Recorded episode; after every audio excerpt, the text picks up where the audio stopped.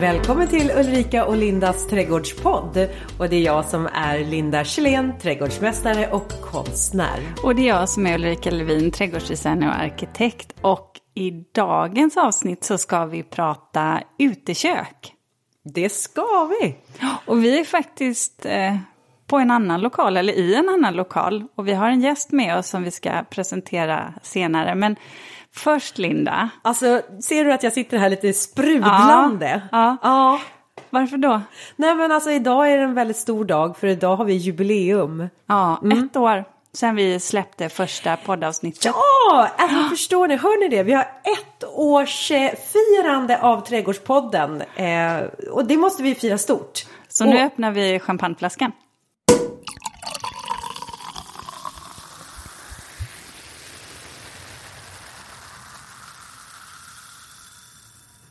Sa det. Ja. Så att, Ja men alltså, eller hur, man måste väl ändå eh, fira ett Ja, ettårsdag. det, absolut. det tycker jag. Skål! Så, skål kära kollega Ulrika. ja. Och skål för, till er alla som lyssnar också. Ja, tack jag. för att ni har följt med oss i, i ett år. Ja, Och skål då. skål. Mm. Ja, nu, eh, nu är vi laddade för ännu, ännu ett år va? Ja, jag trodde du skulle säga ännu ett avsnitt. Ja. Ja, Än gör vi. många avsnitt. Ja. ja. Ah. Åh, bra. Sen vi såg sist då, nu när vi har skålat Linda. Vad har, vad har hänt i ditt liv? Men, alltså jag måste erkänna att jag har blivit en riktig hönsmamma. Hela mina dagar det går bara ut på att ta hand om mina höns och iaktta mina höns och eh, bara umgås med dem. Och vet du vad det har lett till? Det är att jag tycker min trädgård är så mycket mysigare att vistas i nu. Ja men det är för att den har fått liv och rörelse. Den har fått en betydelse mer än bara vara en plats att man odlar någonting som är vackert. Den har blivit ett hem. Var den inte det innan menar du? Jo men alltså ett hem, hem för djur. Ja, Ja, jo jo men alltså. Nej men du förstår inte grejen. Det här är nej. ju... Men vi pratar ju hönor. Det är sällan jag förstår grejen just när vi pratar Åh, hönor. Ulrika, du tycker ju att det där flaxande fjäder, fjäderfän, att de är lite läskiga tycker du? Ja, eh, och just när det gäller hönor. Mm. Hönor, ankor och jag kan vara lite, lite skraj för svanar. Svanar, men svanar har jag inte. Men vet du vad? Jag har nämligen, det är två stycken så här säg som ekar i mitt huvud när det kommer till hönorna. Dels så ser de ut som små robotar när de går. De går så här, ja du vet, så här. Fast så, går de ganska mjukt och elegant med benen ändå. Så de ser ut som små robotar. Och sen så säger de så här, they come with peace. Säger de, för de är så vänliga. Men de, eh, de eh, ser ju lite läskiga ut med näbben och fötterna. Men de är så vänliga. Men det andra de säger också det är they don't break for anybody. Nej. Eller ingenting. Och då kan det vara Ester ligger och sover. Då kommer en höna och bara här ska jag gå. Och ligger hon där då kan de hönorna börja picka på Ester och bara svans, äta. Ja, ja. Och sen kan de gå vidare och sen så hittar de min nyplanterade buxbomsparterre för jag har blivit så här mycket Ulrika så jag skapar också ordning och reda och struktur i trädgården. Men det, det var ingen idé för nu har hönorna varit där och de har ju liksom de har ju krafsat upp eh, eller sprätt upp varenda litet buxbomsplanta som jag har planterat. Ja, ja, ja. Men they come with peace. Jag Och- hade faktiskt en tonfalk i min trädgård. Ja, men, ja, den vill inte jag ha i min trädgård när jag har hönor. Nej, men jag tror att den är för liten för att ta Ja, en det höna. tror jag De är också. ganska små. Ja, men de här hönorna de, är, de är, väger nästan 2,5 kilo styck. Och de ger ett ägg per dag. Gör de. Så jag får tre ägg varje dag. Och dessutom, nu måste jag bara en liten rolig som jag inte visste om. Men vet du hur lång tid det tar för en höna att producera ett ägg? Nej, Vad kan du gissa på något? nej. Nej, visst är det, det är inte helt lätt. 21 timmar. Jaha. Alltså cirka 21 Ja. timmar. Men är det inte fantastiskt? Ett ägg och skal, allting på 21 timmar. Jo, det är det ju. Det kanske börjar lite längre, jag har inte exakta siffror. Men det, jag är, du förstår att jag är fascinerad, du hör att jag är fascinerad av mina hönor. Ja. Ja, fast jag är fortfarande lika intresserad över vad du har på med sen sist. Ja, nu börjar det närma sig semestern. Och jag försöker eh, febrilt eh, hinna klart med många av mina uppdrag. Eh, och sen så var jag faktiskt ute och tittade på ett, ja, alltså det är en magisk tomt. Jättesvår tomt. En tomt som verkligen inte är för alla. För det är sådana enorma nivåskillnader. Det var faktiskt så att jag fick svindel när jag kom upp till det här huset. Eh, allt är inte klart, det är ett halvfärdigt hus. Eh, vilket gör att det finns ju inga räcken. Och när jag vände mig om vid entréplan så kände jag, oh, nu svajar det. Oh. Nu är jag högt uppe. Jag vill inte ramla baklänges ut Nej, där. allt satt inte fast heller. Så att då får man verkligen kolla så att man går på rätt plankor. Oj, det var lustiga huset. Uh, ja, livsfarliga huset. Livs just i det här läget. Men uh, vilken utsikt. Alltså den var, det var faktiskt en av de finaste jag har sett i Stockholmsområdet, måste jag säga. Oh, så det får vi se om det blir jobb av så småningom. Ja. Det blir en, en sak till hösten i så fall. Jag håller tummarna. Ja, det, mm. då gör jag det också för dig. Mm. Håller tummarna. Ja. ja. Men du, mm. vi sitter ju faktiskt också hemma hos vår gäst som också bor mycket vackert eh, i Norrtälje. Vi sitter med utsikt över lövskog, ängar och eh, vatten. En vik som går in här. För vi är hemma hos dig, eh, Mattias Larsson, a.k.a. Fredagskocken. Hej! och du är ju kock, kokboksförfattare och måltidsinspiratör. Och vi sitter ju i ditt hem, men också där du har din matstudio. Jajamensan. Jag fick möjligheten att bygga mig ett drömhus och med en arbetsplats som jag då kallar för matstudio. Ja, och vi har ju varit ute. Dels har vi ju blivit bjudna på mat. Eh, en pizza blev det. En trädgårdspizza kallade du den. Ja. Smakade gott med ett glas champagne också så här på ja, ettårsdagen. det var det. Mm. Och rabarberkaka till efterrätt. Oh, som Mattias, din fru Cecilia, har bakat. Jajamän. Vilket par! Hon, hon står för det söta och jag för det salta. Oh. Det gäller att komplettera varandra. Ja, oh, gud, det är genomtänkt det här. Ja, och nu när vi var ute då och bakade den här pizzan så, så var vi faktiskt ute i ditt utekök. Och jag skulle vilja ställa frågan till dig där, eh, Mattias, nu som kock. Hur ser ditt utekök ut och eh, vad använder du det till? Ja, men jag använder ju mitt kök, jag vill ju laga all mat utomhus. Och då har jag ändå gjort det relativt enkelt. Jag har ju inte dragit ut vatten, jag har ju vatten en bit ifrån och så vidare. Men jag vill ha arbetsbänkar, jag vill ha sittytor. För att jag vill att man ska umgås kring matlagningen. Och sen har jag bara tre grillar ute i köket. Och jag, jag började fundera på vad det var. Det var så himla många grillar.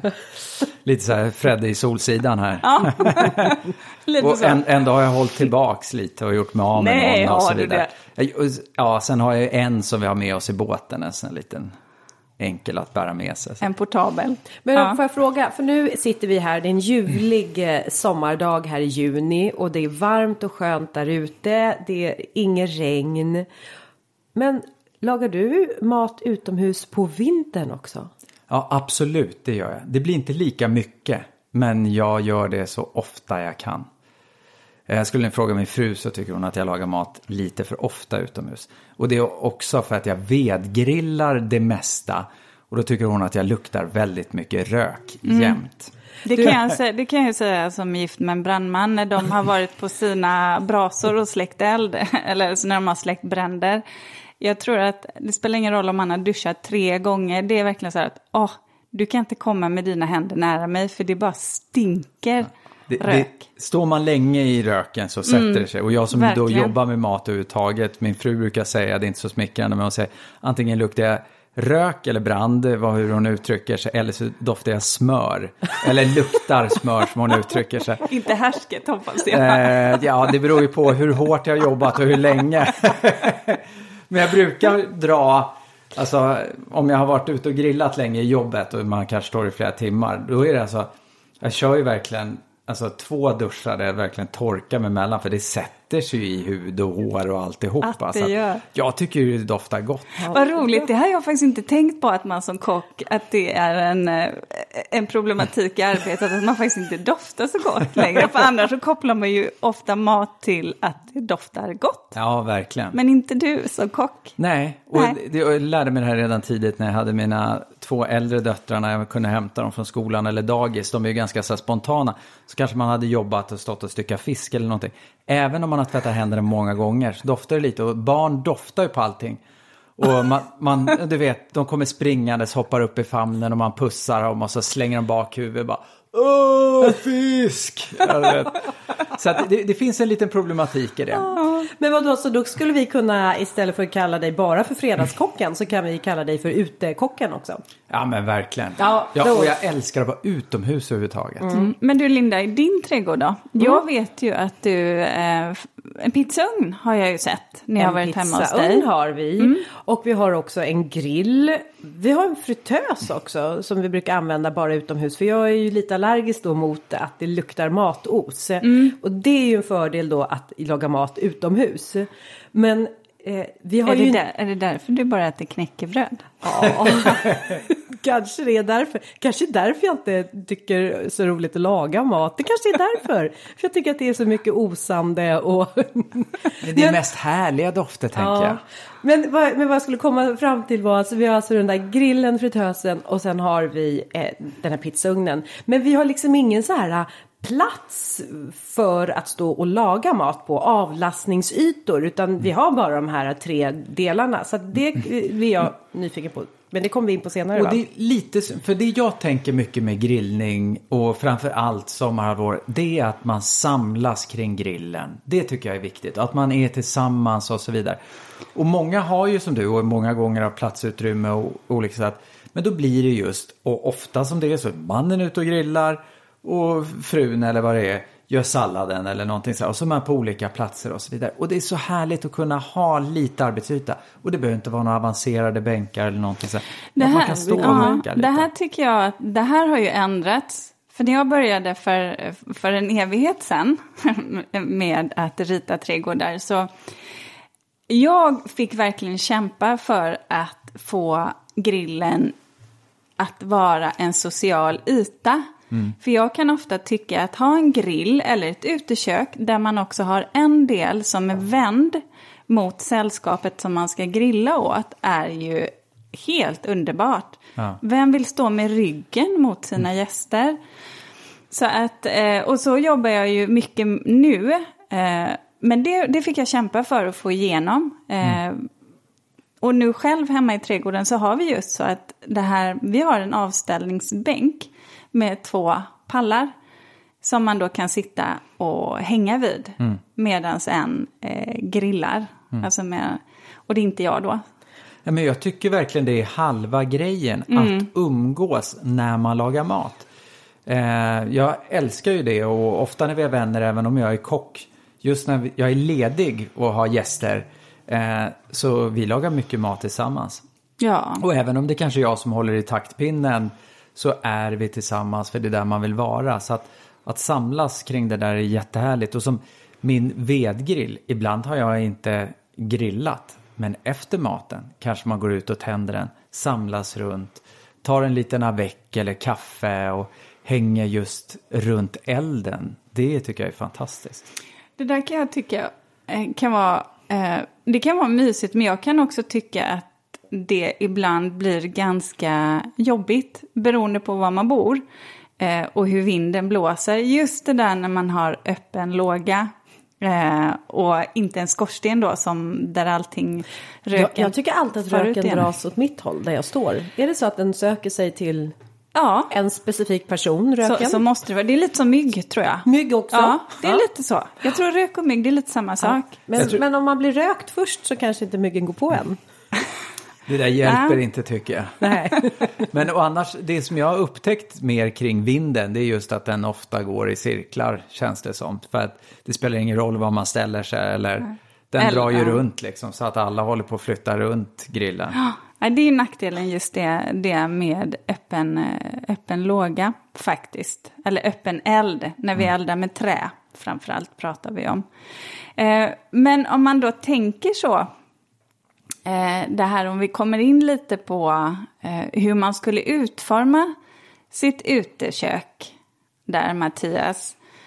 För mig som arkitekt så tänker jag ju mycket på att det också ska, att det ska finnas utrymme att röra sig, men inte att det är för långt avstånd mellan grillar och arbetsbänk eller vatten. Eh, det finns ju vissa mått som man gärna förhåller sig till, som till exempel höjden på arbetsbänken. Vad säger du, 90 som i ett kök, 90 centimeter? Ja, Ja, alltså jag tycker man ska tänka. Jag hade tänkt, alltså jag tänkte inte när jag gjorde det här. Jag började och sen blev det så här.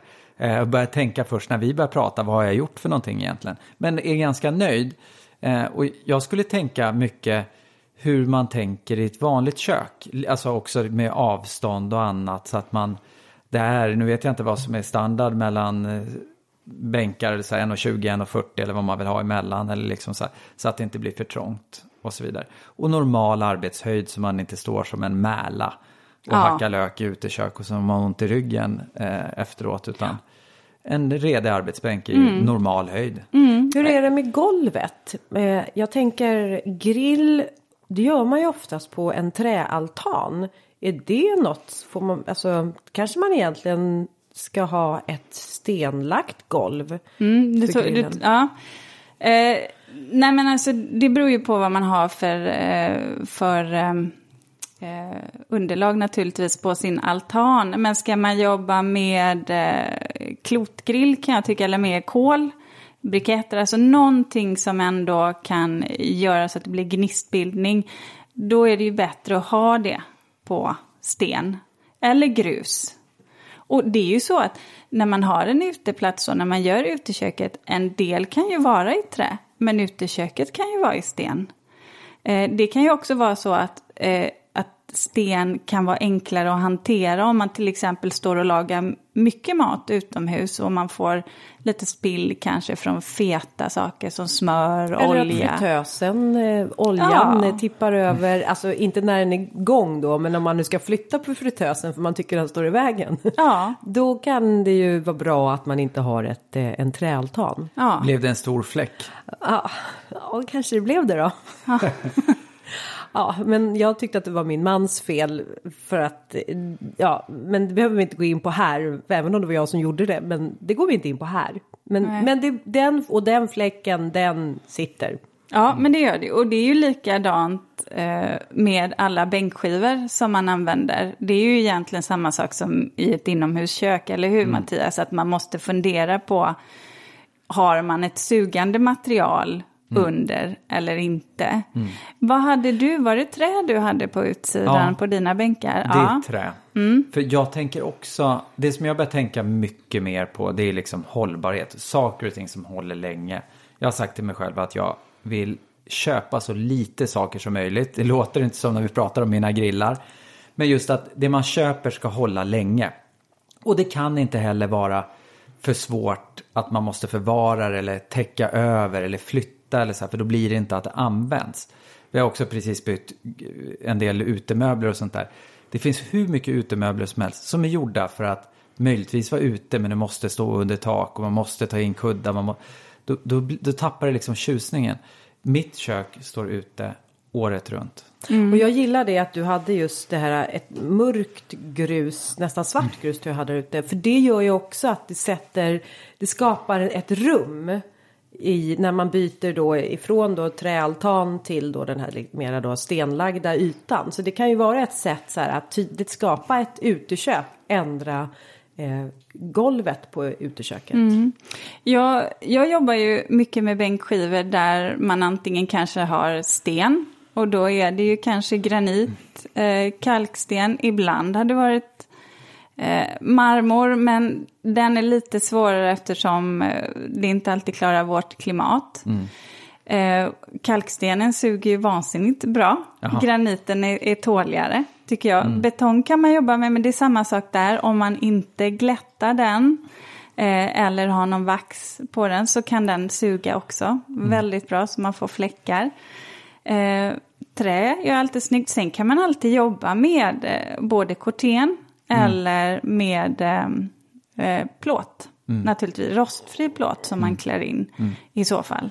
Men för mina övriga bänkar och vedhyllor och sånt som jag är ju just i kortenstål. För jag tänkte att det ska stå där så länge jag lever i alla fall. Eller Ja. klarar av att göra. Och då ska man ju tänka att har man det på en träaltan så ska man ju vara medveten om att ja, drygt under ett och ett halvt, två år så blir det en rostavrinning så att det kan läcka ner lite på träaltanen. Eh, också ifall man har betongplattor faktiskt som suger. Så det får man ändå ha i åtanke. Men en fråga om bänkskivor tänkte jag på. Det är väldigt intressant för jag tycker ju ofta så här att i början så är det så här när man har en fin bänkskiva, blir det en fläck, då, det kan ju bli lite fult kan jag tycka. Så här. Men när den har stått i ett, två år och det är jättemycket fläckar, då, jag kan ju tycka att det är så otroligt härligt och snyggt när det ser använt ut. Är det någonting man ska tänka på det, att det, blir det sämre om man nu eh, ja, men har material som suger? Eller är det bara skönhetsmässigt du tänker på? Det är ju egentligen hur, snarare skönhetsmässigt och hur pedant man är. För det är ju precis som du säger, använder man någonting så kommer det ju slitas. Vet man med sig att eh, man stör sig på eh, när det blir spill eller det kan bli fläckar, ja men då tycker jag att man kanske ska välja en granitskiva. Kanske en mörkare färg, färg än en ljusgrå kalksten.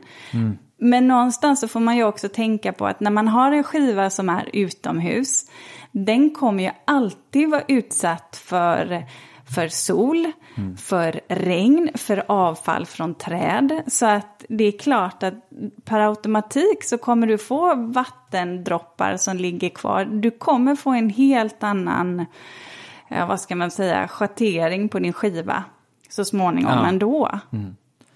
Men det man kan tänka på är ju också när man jobbar med sten, det är ju det att om man vill fälla in en eh, grill, till exempel en ko, eh, klotgrill som man ska grilla med eh, briketter eller kol då, kolbriketter i. Där blir det ju vansinnigt varmt. Det har ju hänt ibland när kunder har kanske valt sten fast jag har valt någonting annat. Eh, och så spricker stenen. Ah. Naturligtvis. För grillen blir Vad för skulle man ha haft då? Då skulle man hellre haft en Ja, nedsänkt man skulle i- inte haft den typen av grill där. Utan kanske snarare fristående. I så fall. Får jag fråga, när, när, eh, hur definierar man ett utekök? När blir ett utekök ett utekök? Eh, är det ett utekök så länge jag bara har en grill? Eller måste det in eh, en vask för att jag ska kallas ett utekök? Eller ska det in, vad är det som eh, måste finnas? Är det avlastningsutrymmen som är tänkta enbart för att vi ska få plats med en, liksom, vad vet jag, eh, en, eh, nu hade vi pizza som vi grillade, eller som vi Ja, grilla. vi grillade pizzan ja. ja. Och den var ju varm när vi tog ut den och den var het och sådär. Är det det som blir ett utekök? När vi har in dem? Eller vad är, när kan jag kalla att jag har ett utekök fast jag har en grill? Nej, då skulle inte jag kalla det Nej. för utekök. Eh, jag tycker man ska ha en, någon form av avställningsbänk eller yta i alla fall. Man behöver inte nödvändigtvis ha en vask i min värld. Eh, det beror ju på egentligen hur fullskaligt det ska vara. Om du ska ha eh, en bänkskiva med förvaring under, om du ska ha skåp till, om du vill ha en kyl. Det beror ju på. Vad säger du? Men jag skulle säga när man kan laga mat, alltså utomhus, då skulle jag kalla det för utekök. För jag har ju till exempel inte dragit vatten till det.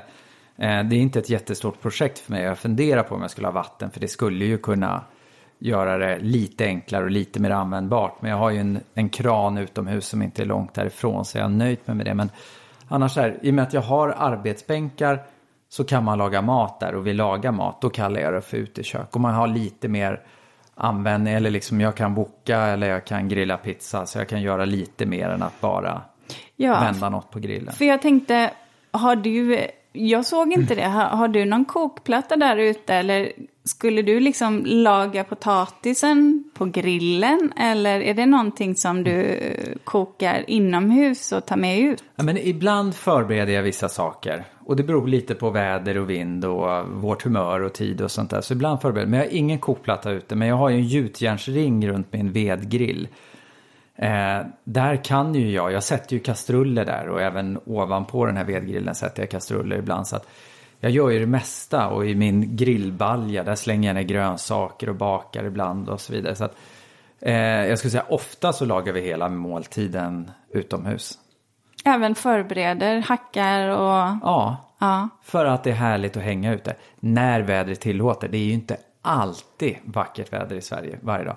Eh, Så att är det mindre bra väder, då står vi in och lagar mat och sen går man ut en liten stund innan. Eh, och så just grillar de sista bitarna. Är det något sånt där avstånd ifrån eh, huset eller köket man bör lägga sitt utekök? Sådär. Är det kanske inte längst bort i trädgården eller ska det ligga i kvällssolen eller vart ska man placera sitt utekök? Jag tycker att man ska tänka på hur man ska koppla det till sin eh, sociala yta annars. Alltså vilka tillfällen kommer man laga mat? Är det oftast vid middagstid eller ska man också ha en koppling till lunch? Eh, och var sitter man då?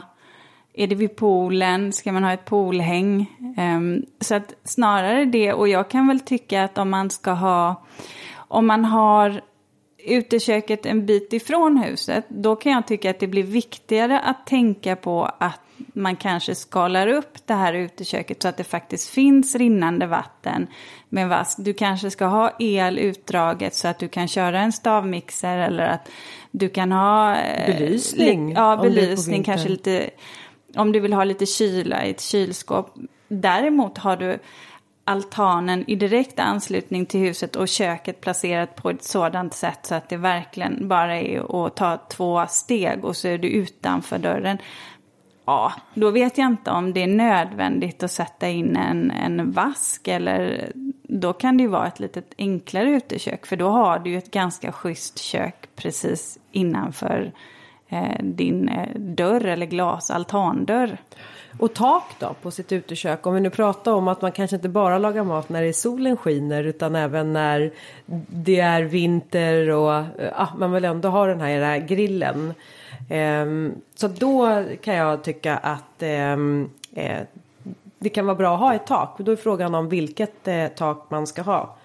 Ja, för det där det är jätteintressant för att jag har ju inget tak men jag har ändå tänkt tanken lite grann just för att man inte vet med väder eller vädret kan slå om och jag har ju en del gäster här hemma i matstudion också och då är det liksom så här då måste jag ut och filma men så tänker jag också med röken och allting sånt där och har liksom inte kommit på någon tillräckligt bra lösning och därför inte gjort något. Nej. Och jag vet inte om jag vill ha, eller kan, kan man ha det över halva?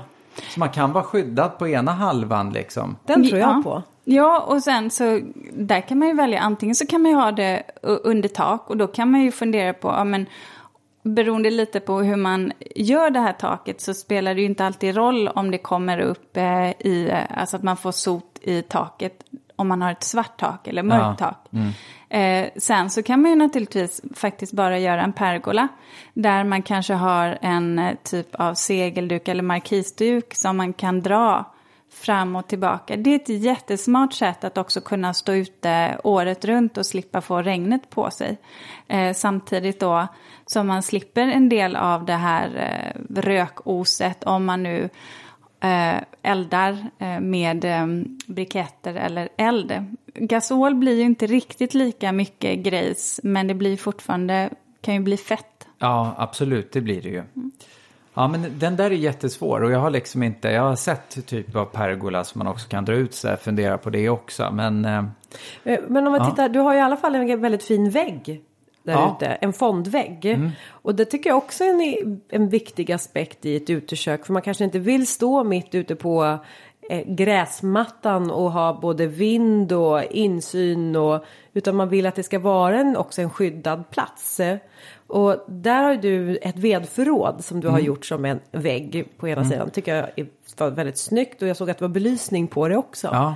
Och det kan man ju också få gratis väggar om man lägger i närheten av sitt hus. Då får man ju en vägg tack vare huset. Japp. Men, men sen är jag ju förtjust i grönskande väggar.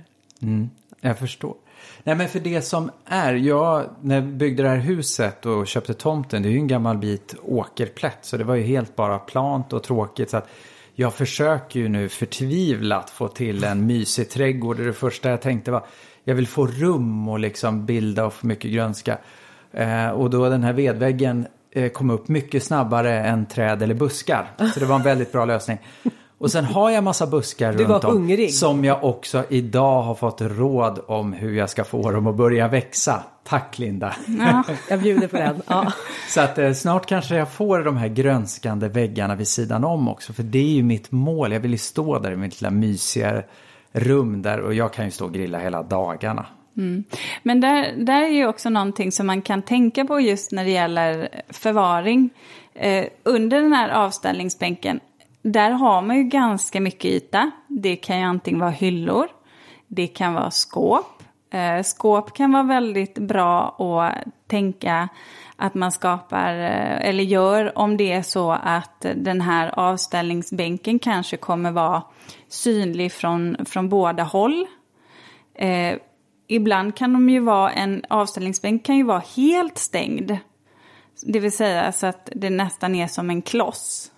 Eller så kan den ju också ha öppna sidor. Det beror ju lite på eh, hur man ska designa den. Och där tycker jag att man kan någonstans följa tänket kring hur man har det vid eh, huset eller stilen på sina utemöbler. Och sen kan man ju också jobba med skåp, lite som vi pratade om, Linda, när vi pratade om uteplatsen. ja, förvara dynor i eller? Ja, de här väggarna som man gör om man nu gör ett plank eller något liknande. Eller man kanske har uteköket i anslutning till om man har byggt en, eh, ja, en friggebod som man nyttjar till någonting till exempel. Eller ett attefallshus. Ja men då kan man ju faktiskt eh, använda dem till att eh, göra högre skåp av.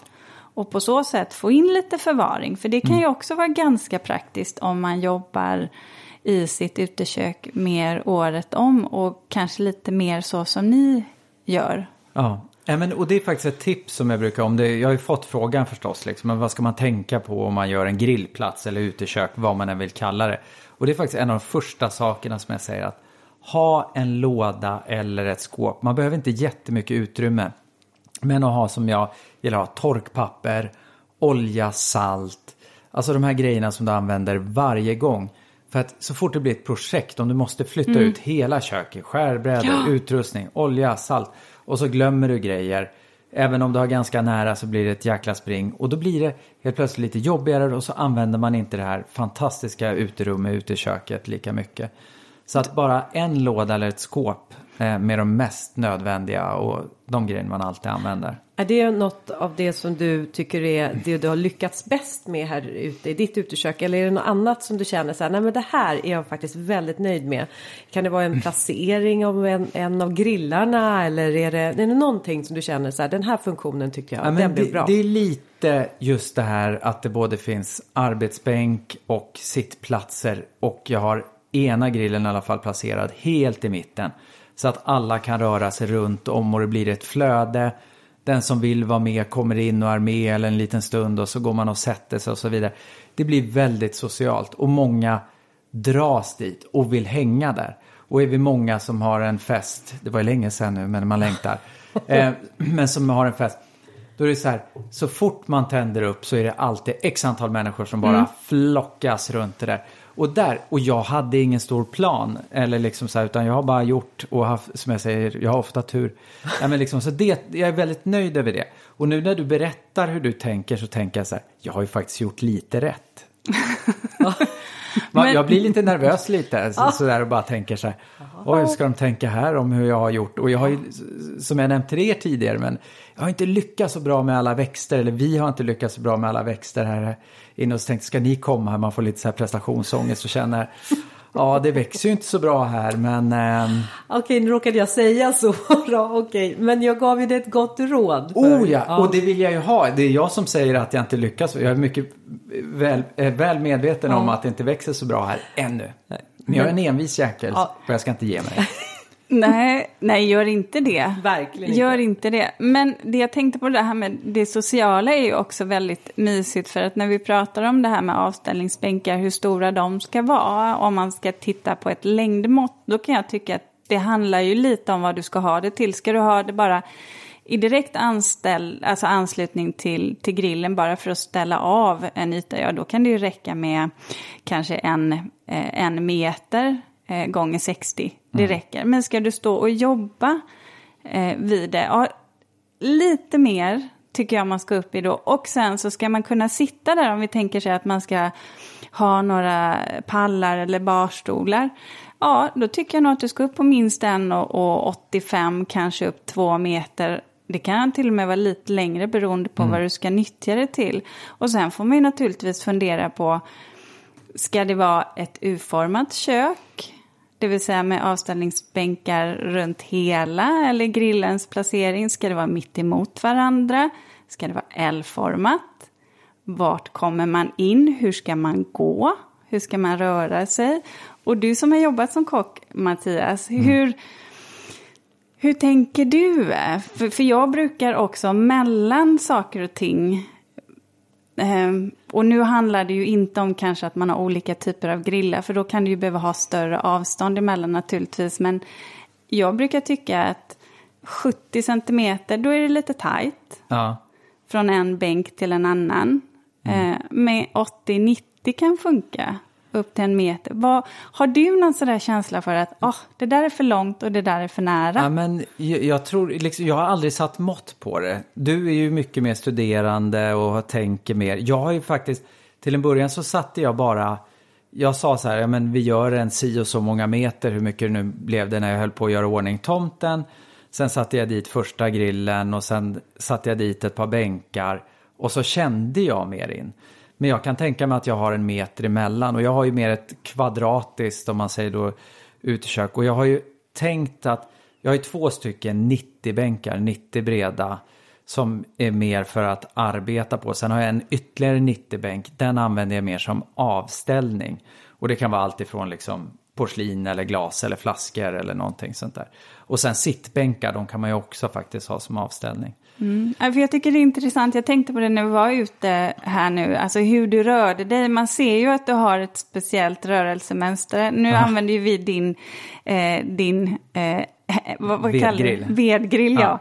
Eh, och då står ju den, den är ju ganska centrerad i eh, ditt utekök. Ja, men jag Av- tänkte, jag vill ju skapa ett hjärta, eller liksom så här viktigaste punkten på något vis liksom. Eh, och den tänkte jag, den, blev, den fick liksom bli mittpunkten.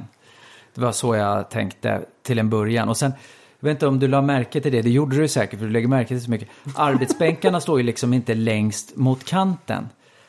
Eh, Så att jag kan ju stå på liksom utsidan så att jag tittar mot gästerna och mot grillen. Sen är jag själv, då står jag ju oftast, då kanske jag har ryggen mot grillen och tittar ut mot vattnet. Exakt. Så att där har jag lämnat för att verkligen kunna snurra runt eller vi kan stå på båda sidor och titta på varandra om vi är fler som lagar mat. Och det där tycker jag, det är det som är så himla härligt. För jag tänkte faktiskt på det. Vi var där ute. Men det har ju med, det har ju lite med, men återigen det här med det sociala och också lite med perspektiv och vyer. Eh, och bara en sån enkel sak som hemma i vår egen trädgård nu när vi satte dit vår avställningsbänk. Det visar ju sig att när jag och maken är ensamma Ja, var hänger vi då? Ja, vi sitter ju inte vid köksbord eller liksom matgruppen längre, utan vi sitter vid den här avställningsbänken på två pallar. Eller om han står och grillar på ena sidan så sitter jag och dricker drinkar på andra. Går jättebra. Det låter väldigt härligt. Ja, det Men det är det här jag tycker är så himla, himla svårt att tänka hur man rör sig och hur det kommer att bli i verkligheten. Och där jag kan visualisera smaker och annat och verkligen så här sätta exakt och då vet jag precis hur jag bygger den här smaken. Och jag, jag, liksom, jag kan bygga en rätt. Jag har gjort gästspel där jag har serverat en ny rätt för första gången. Jag har aldrig provlagat den. För jag vet hur man bygger den och jag kan tänka ut det i huvudet innan. Men när det kommer till alltså arkitektur och design och sånt där. Jag måste ställa en sak där och sen tar det tid och så känner jag och så bara det här var inte bra eller det var bra. Och sen får jag sätta dit en sak till. Jag är så fascinerad av sådana som er, tänkte jag säga, för det känns som ni kan liksom måla upp rummet och så vet man att åh, här sätter vi buskar, här gör vi så här. Det kan inte jag. Jag vet precis vad jag tycker är fint och vad jag inte tycker är fint. Jag vet vad jag vill, men jag vet inte hur man tar sig dit. Lite kanske som om ni skulle äta på en god restaurang och bara gud vad det här var gott. Och då, ni kanske inte vet riktigt hur man lagar det där eller hur man tar sig dit. Man analyserar ingredienserna som gör he- helheten. Ja, Men du, eh, om man skulle få fråga lite om ett bra så här, sommarrecept. Eh, för, för hur är det egentligen när du står och lagar mat där ute? Är det eh, platsen som inbjuder till eh, in, alltså, smakerna? absolut. Jag tror jag lagar lite olika mat, olika både årstider och på olika platser. Viss mat gör sig inte på vissa platser och viss mat gör sig på vissa. Alltså, Så vad görs här? För idag blev vi bjudna på en väldigt god pizza bianco med, eh, vad var det vi hade? Syra, det var... Ja, men jag, först körde jag då bara lite crème fraîche som en botten på den då. Och sen var det prästost och så hade jag lite färsk, kokt färskpotatis skivad och färsklök. Det bakade jag. Och sen gillar jag att toppa med något fräscht så att det inte blir för tungt. Så då bakade vi pizzan. Sen tog jag zucchini och lite sockerärtor. Och vad hade jag med? Rädisor hade jag också. Jag måste tänka efter. Eh, och sen på med ganska mycket citron. Så att det blir en friskhet som drar till långt bak i käkarna. Ehm, och lite god gräsig olivolja och lite salt på det som vi toppade med. Så att, Och så liten- ängssyran. just det. Jag har Som du sprang och hämtade här runt husknuten. Frisk, frisk ängsyra som smakar som ett ungt äppelkart. Verkligen så här Ja, bitande det, syra. det, det drog. Ja, det, det, jag. drog i käkarna. Ja, Man ler, Ja. vare sig man vill eller inte. Ja, men fantastiskt. Lite jokervarning Ja, våriga, för det är lite där vi är. Och jag kallade det lite så här spontant liksom för så här trädgårdspizza. För jag tänkte så här, men göra något vegetariskt härligt med mycket grönsaker. Så tänkte jag så här, pizza, alla gillar pizza. Eh, det är relativt enkelt att göra. Eh, och man kan slänga på så mycket goda saker. Och man kan göra det så mycket fräschare än hur många kanske känner pizza som tungt och dant och så här. Men en detalj som du gjorde innan när vi hade tagit ut dem ur pizzaugnen så, så ringlade du en väldigt god olivolja över hela pizzan. Ja. Gjorde du? Ja, men det är ju, för mig är ju det en liten god sås liksom. Framförallt när du har någon sån här riktigt gräsig, örtig i, i, i doften eller smaken så där. Det, det är verkligen, och det får fram, jag använder det mycket. Jag använder jättemycket citron och olivolja i min matlagning. Jag vill ju jobba väldigt mycket lokalt och med svenska råvaror och så vidare. Men alltså, citron och olivolja kommer jag aldrig klara mig utan. Och det är nästan att en fänkål åker med där också. Det brukar jag använda mycket i min mat. Men det är Eh, framförallt nu på sommaren. Jag, kan ju, jag älskar ju bland annat potatis också. Det kan jag göra hela rätter på. Ja, vad har du potatislandet? Ja, men jag har ett faktiskt här bakom. Det ser ut som en kompost. Men jag slängde ner lite potatisar där förra året och det tog sig bra. Allt jag ger kärlek går inte bra. Men potatis fick jag massa. Jag hade lite som hade grott i kylen. Eh, så att det, ehm, där har jag några. Det ser förskräckligt ut. Men jag får några goda potatisar i alla fall. Eh, nej men, och bara så här gaffelmosa kokt potatis, riktigt perfekt kokt färskpotatis. Och så har man lite smör, lite pressad citron, lite gräs och olivolja, lite gräslök. Alltså det, är- det i sig, alltså det är så himla himla gott. Och jag brukar säga som potatis, ehm, det, om det vore svårare att odla så skulle det vara så mycket dyrare. Vi skulle vara villiga att betala väldigt mycket pengar för bra potatis för att det är så himla gott. Något som eh, jag i alla fall tror kommer ifrån eh, eh, här ute från trädgården. Det var rabarber. Och det bjöd din fru Cecilia oss på. Ja. Men den här rabarberkakan, var den bakad ute i uteköket? Nej, den var bakad in i köket. Ja, skulle man kunna bakat den ute i uteköket? Absolut. Jag har ju en ny, jag har en keramikgrill nu mer också, eh, tänkte jag säga. Och eh, där ska jag testa, och, eller vi ska testa och baka lite mer. Vi har ju kört, vi har gjort en del bakat tunnbröd och libabröd och tortillabröd och så här ute på grillen. Men vi har sagt att vi ska ge oss på lite mer matbröd och eh, bak, vad säger man, bakbröd, sötebröd. Bakverk. Mm. Bakverk. Ja. Och, och då är det ju återigen om man tittar där på funktionen att det där med el ut i sitt utekök kan ju vara eh, bra. Och faktiskt sätta en kontakt. Så man kan plugga in sina sladdar i ett eluttag. För du tänker när man kör elvisp? Ja, om man ska köra elvis, stavmixer, Eller- någonting liknande. Oj. Så att man använder det. Men någonting som jag också tänkte på som vi kan komma tillbaka till när man nu ska avnjuta det här och, och kanske har eh, avställningsbänken som ett barhäng också. Så är det ju lite det där med höjden. Vi var ju inne på det. Ja, eh, 90 centimeter då på arbetsbänken. Mm. Då tycker jag man får tänka till lite kring vilken höjd ska en ha på stolarna. För ibland så är det ju, eh, skaffar eh, man då kanske barstolar som är, säg att de är runt en 74 centimeter höga. Det blir ganska högt till ett, eh, i förhållande till en avställningsbänk som bara är, är 90 centimeter. Mm. Så där kan man ju tänka på att då kanske man ska ha stolar som kanske är, säg att de är 63-60 centimeter höga.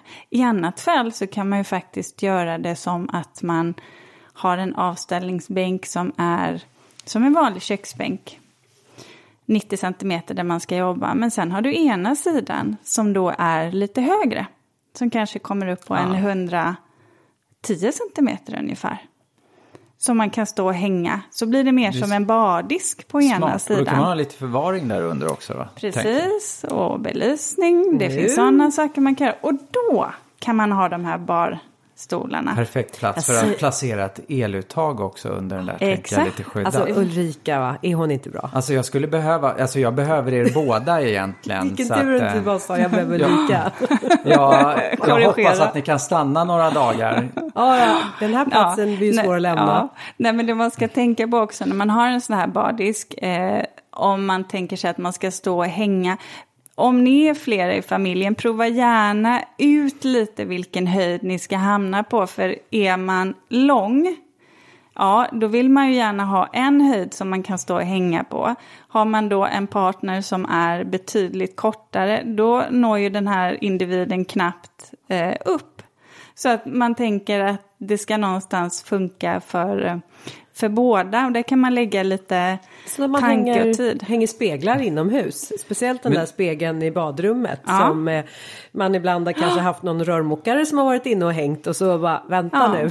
den är inte anpassad Men tänker ni så här om man, nu, om man nu skulle vara singel eller sådär och man håller på med uteköket så här. Då, då, då ska man leta efter en, någon i rätt ja. höjd. alltså en partner i rätt höjd. Uh, ja, du tänker så, jag eller? tänkte så här, det blir snarare, då får man snarare safea på uteköket tror jag, på hardisken okay, där. Okay. Men det man, också, ja, det man också kan göra, det är ju det här att om man vill få plats för benen, om vi tänker att vi har en 90-bänk, du kan ju också jobba med ett överhäng, det vill säga att om du har sidor under ditt utekök, under den här bänken, mm så låt bänkskivan kanske gå ut ungefär 20-25 centimeter. Då kan du faktiskt använda det som en, ja, men som en köksö. Mm. Ni vet där man kan skjuta in stolarna eller när man kommer åt. Sitter du och gäspar Linda? Mm, okay, jag, jag var, var det champagne nu som jag, har gått ur att, kroppen? Eh, jag tror att Linda kanske behöver lite mer champagne. Ja, Jaha, jag, jag, jag tror jag pignar till lite här. Det tror jag alltså, nog. Går, du är ja, så, du, du är så genomskinlig. Alltså jag var på studentmottagning igår. Okej, okay, och, ja, och då kanske jag tog några glas mousserande vin och skålade in denna student. Ja, ja men det är eh, klart man ska göra det. Ja, jag menar det. Och då får ja. man väl tillåta sig att vara lite så här efter man har ätit en god, god lunch och Eh, man sitter så här i ett tryggt behagligt samtal. Eh, då kanske man blir lite trött. Då somnar man mm. somnar in tänkte jag säga. Ja, det hoppas jag vid gud inte att gör. nej, nej, nej, nej, nej. Då skulle jag bli extremt förvånad. En, en sak är att smaska i mikrofonen, jag som har gjort mycket matradio, men snarka i mikrofonen, det vet jag inte. Nej. ja, men, alltså det gör verkligen okay. inte jag, nej, nej, nej, nej. nej. Men var som så sagt... när jag såg tunga dina ögonblad blev, de bara började trilla ner där borta. Att du avslöjar ja, men Vet ni vad det är då? Jag, jag tycker det här med mått, jag förstår att... Jag ju... visste det, ja. jag visste det, där kom det.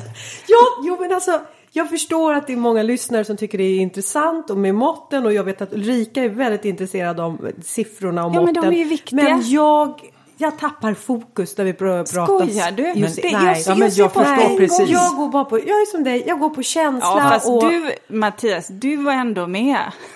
Jo. Du, Linda, du somnar där borta. Jo, men jag, jag, jag kan förstå henne, så jag och Linda är kanske lite mer lika varandra där.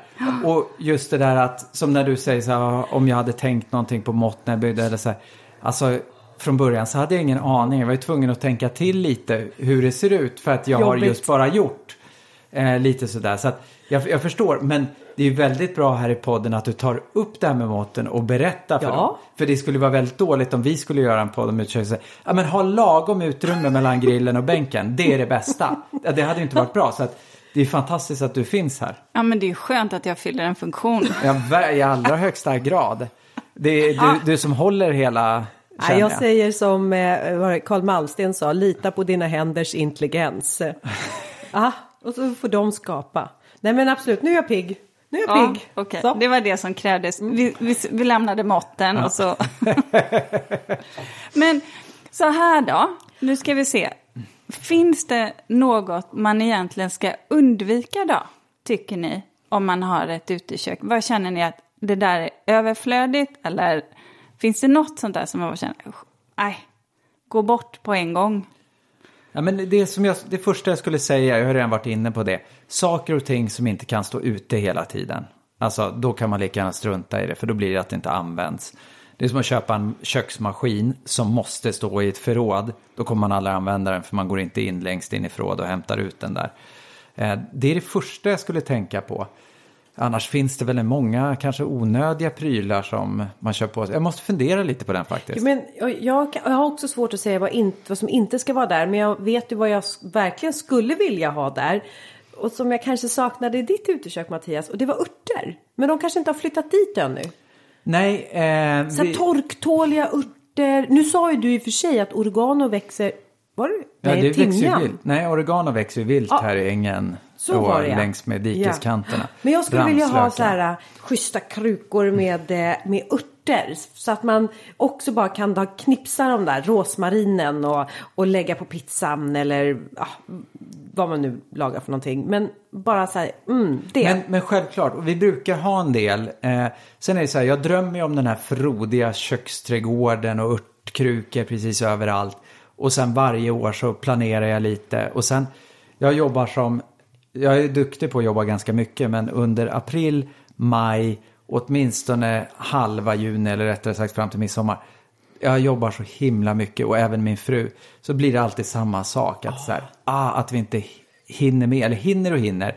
Det är en planering och en prioritering. Som allt annat. Men som vi inte alltid prioriterar. Men eh, jag brukar ha lite örter och sånt där ute. I år är det ganska så eftersatt. Och också köksträdgården ligger Ja, faktiskt en ganska jag. lång bit ifrån, eller relativt. Ja, men där Eh, hade du örter. men där är också- mynta och Det är för att jag gott. inte är en Ulrika, utan Ja, jag, det.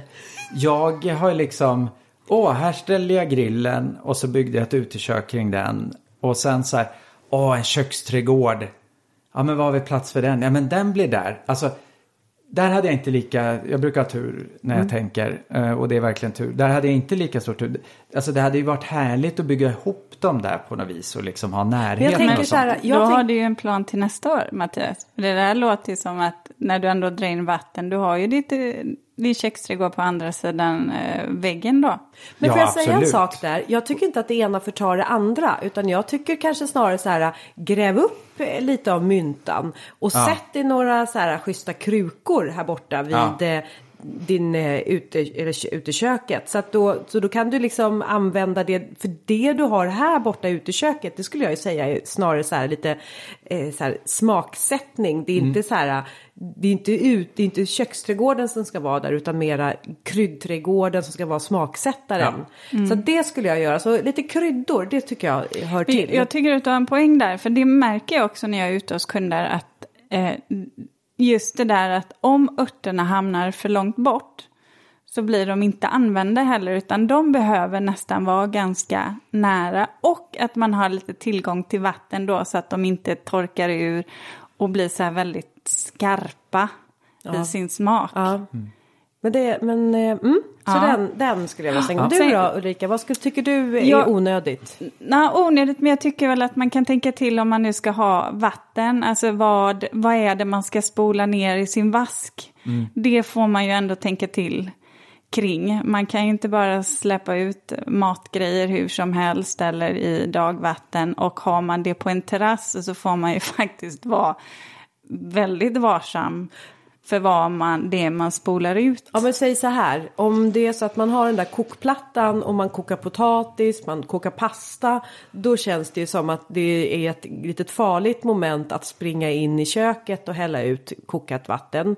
Eh, och, och, vatten går ju oftast ja, bra. Jag menar det, så det är väl det vatten, jag ser framför mig. Sådana saker. Men också på anpassa matlagningen lite efter vad köket bjuder på. Att mm. just det där koka kanske du ska undvika utan att du då mer grillar lite potatisar ute eller sådär. Tänka till kring det. Ja, sen handlar det ju om säkerhet också. Det, ett utekök, det blir ju samma sak som hemma när man har små barn. Att man får ju faktiskt vara lite om sig och kring sig och barnsäkra det också. Mm. Men när vi också pratar om, det, du var inne på det innan också, underlag om man ska grilla på träterrass och så vidare. Vad man kan göra. Men där skulle jag säga, för mig är det alltså så här, grus tycker jag är drömmen. Även stenlagt skulle kunna vara det just för att eh, det, åtminstone när jag lagar mat, det blir fläckar liksom. Du rör det och du flyttar mat som du har grillat och som kanske är fett och du häller på olja och saker och ting. Så där kommer vi ännu en gång till det med hållbarheten eh, mycket. För på trä, det blir ju, det droppar lite olja. Det blåser, idag när jag hällde olivolja så blåser helt plötsligt strålen iväg där eh, lite ner och så vidare. Så att jag, jag, skulle nog vilja, om man har känsliga träytor eller som man vill ska vara vackra eller se nya ut, undvika trä. Ja, alltså, ja. och har man det här som du ändå har ute nu där det är lite silvergrått, då är ju det ganska förlåtande för det kommer blekas om man då inte heller en hel eh, frity, fritös över trätrallen, för då suger det ju. Eh, men, men annars ja. så, ja, någonstans så tror jag också att man får tänka på att eh, vi är utomhus och det kommer slitas lite granna. Men grus mm. är ju oerhört förlåtande. Ja. Inte så snällt att gå på om man ska gå Nej. barfota. Men eh, definitivt ett material eh, där man i princip kan eh, tappa vad som helst ja. på. Mm, så är det ju. Ja, Ja, jag får väl se där hemma vad man kommer... Ja, det är alltid så spännande när vi har haft då, eh, gäster i podden och i de här samtalen. För omedvetet så blir jag påverkad och helt plötsligt så eh, går jag hem och så börjar jag ju skapa saker. Eh, bland annat så blev jag ju med höns efter den här eh, hönspodden och, och även skapa struktur i trädgården. Så nu kanske det blir så att det blir lite mer av ett utekök där hemma. Ja, vi får se. Ja, ja, om inte det... annat så kanske det är jag som ställer mig vid grillen. Jag, hade, jag hade ett projekt här nu där jag faktiskt gjorde ett utekök som en loggia. Förvånande, eller Nej, hur Linda? inte förvånande. Nej. Ulrika älskar loggior. Men vet du vad som hamnade där Nej. inne? En tv. Jaha. Så nu är det EM. Aha. EM-studio. Under tak, med grillen nära, mm. barhäng, inbyggda sittbänkar. Då är det ju lite ett härligt lounge-rum ja. liksom. Ja. Direkt. Nej, det är snyggt kan jag säga. Ute Gud vad låter härligt. Men jag säger ja. det, jag skulle rekommendera alla att ha ett utekök. Det behöver inte vara stort som sagt var. En arbetsbänk, en grill, eh, någon liten sittplats. Alltså det gör så mycket och det är så och underbart att laga mat ute. Ja, mm. men ha härliga örter och som du mm. ser bara ha i krukor. Mm. Och lite eh. ljus, ljus om man ska grilla året om. Absolut. Nej, men för det är så underbart. Precis allt går att tillaga på en grill. Det finns ingenting som inte går att tillaga. Och, och det så... är även om vi pratar en vanlig klotgrill, det är väl lite kanske det vanligaste. Du sa fänkål förut, är det något annat som du så här, har som en favoritgröna, gröda, grönsak ja, men? Och det finns så mycket, jag älskar ju grönsaker, alltså, det är ju alltifrån när första sparrisen kommer, men sen Eh, fan, alltså jag gillar ju egentligen nästan sensommaren ännu mera. Bondbönor, ah, så underbart. Fänkål, kålrabbi. Eh, alltså smakrika grönsaker kommer det där på sensommaren alltså, som jag tycker är fantastiska. Finns det någon grönsak som du känner att en borde testa och grilla? Som är lite underskattad? Eh, oj, det finns, alltså Ja, vad skulle jag säga då? Ja, men det, det skulle vara att helgrilla en hel rotselleri. Det är så fantastiskt gott. Och det är så enkelt så att du tar hela rotsellerin med skal, allting. Inga kryddor, inget salt, ingen olja, ingenting. Sätter in den, som man då säger så här, på indirekt värme. Det vill säga att man har glöden på ena sidan av grillen och sen är det ingen glöd på andra sidan. Då sätter man ovanför så att den inte blir bränd liksom och på med locket. Och låta den baka där, ja det blir väl en runt 200 grader i, ja det kan nog ta upp till två timmar beroende på hur stort rotcellerhuvudet är. Och sen när den är klar, då skär du bort det här skalet och så har du världens godaste, saftigaste, lite friskt, eh, sött och gott fruktkött. Och det kan du bara ha lite olivolja, lite salt på och så vidare. Det är så himla Och vad äter gott. du till det sen då? Alltså jag kan äta det som, jag har gjort en förrätt på det, då plockat sönder det med, och så haft lite citron och olivolja på och sen några hasselnötter och en liten sojamajonnäs. Alltså som en liten förrätt. Alltså det är så gott. Alltså sojamajonnäs också till. Ja, Ja, men det, jag vet vad jag ska testa. Det är väldigt, väldigt gott sådär så att, eh, ja men och jag började prata väldigt tidigt om att så här, grilla, att allt går att grilla och grönsaker. Jag gjorde någonting, det fanns ju en tidning förr som hette tidningen City, en av de här gratistidningarna. Jag tror att det här är, jag kommer inte riktigt ihåg, 2005, 2006, någonting sånt kanske. Då var jag så här, eh, de gjorde några reportage, jag bara grilla mycket med grönsaker. För då i ärlighetens namn grillar vi på sin höjd liksom lök, champinjoner och zucchini. Sparris kanske. Eh, men jag bara så här, allt går att grilla. Ehm, och sådär. Och försökt få fler att grilla mycket grönsaker. Sån här god gemsallad eller hjärtsallad och sånt där är gott att grilla. Vit, vitkål älskar jag och Ja, spetskål. det är gott. Det är alltså, väldigt fantastiskt gott. Spetskål. Och också kålen, den blir ju god när den blir bränd. Mm. Så yttersta bladen så bara är frasiga som chips, nästan Mm. svarta. Men de är fantastiska och sen har du det här lite mer köttiga inuti och så vidare. Alltså stort tack Mattias. Ja, verkligen. Stort Ja. tack för eh, att vi fick ha med dig. Du vill vara med i våran eh, trädgårdspodd. Stort nöje, Ja. var verkligen så roligt att få träffa er och um, jättekul att hänga och tack för det. Tack själv. Och nu ska vi väl fortsätta fira vårt ettårsjubileum. Så vi, vi fortsätter väl och skålar oss vidare. Ja, för nu tänkte jag faktiskt fråga dig bara lite kort Linda. En reflektion över att vi har eh, faktiskt hållit på i ett år. Har du en sådan? Nej, men det, det, reflektionen är väl att det här har börjat att kännas som att ehm, eh, det här, jag ska inte säga en rutin, men det här är ett väldigt så här, eh, hör till i min eh, vecka. Att vi har en trädgårdspodd, någonting som jag då för ett år sedan ja, inte alls hade kunnat eh, liksom föreställa mig att ha de här samtalen och träffa också många spännande gäster. Det har varit det berikande är det och jag som tycker att jag kunde eller kan väldigt mycket om trädgård. Jag lär mig ändå någonting nytt för varje ämne vi har. Eftersom man dels såklart liksom ser till att liksom faktamässigt läser på. Men också när man har kontakt med våra lyssnare som hör av sig. Och jag, jag känner mig faktiskt väldigt berikad tack vare Trädgårdspodden. Det var väl sagt. Eh, Jag håller bara, jag håller med. Håller du bara med? Ja, i, i det här avseendet faktiskt så, så håller jag definitivt med. Mycket roligt trodde jag nog att det skulle vara, men jag kanske inte hade förväntat mig att det skulle vara så, så spännande och att det blev en sån dynamik och att eh, jag också har vågat testa nya saker eh, faktiskt. Trot eller ej, Linda. Ja. Men hörni, eh, nu eh, så är det ju så här att vi har ju, eh, nästa vecka är det midsommar, men vi eh, släpper ju ett avsnitt på torsdagen, dagen innan midsommar. Och tack så mycket för att ni har lyssnat idag.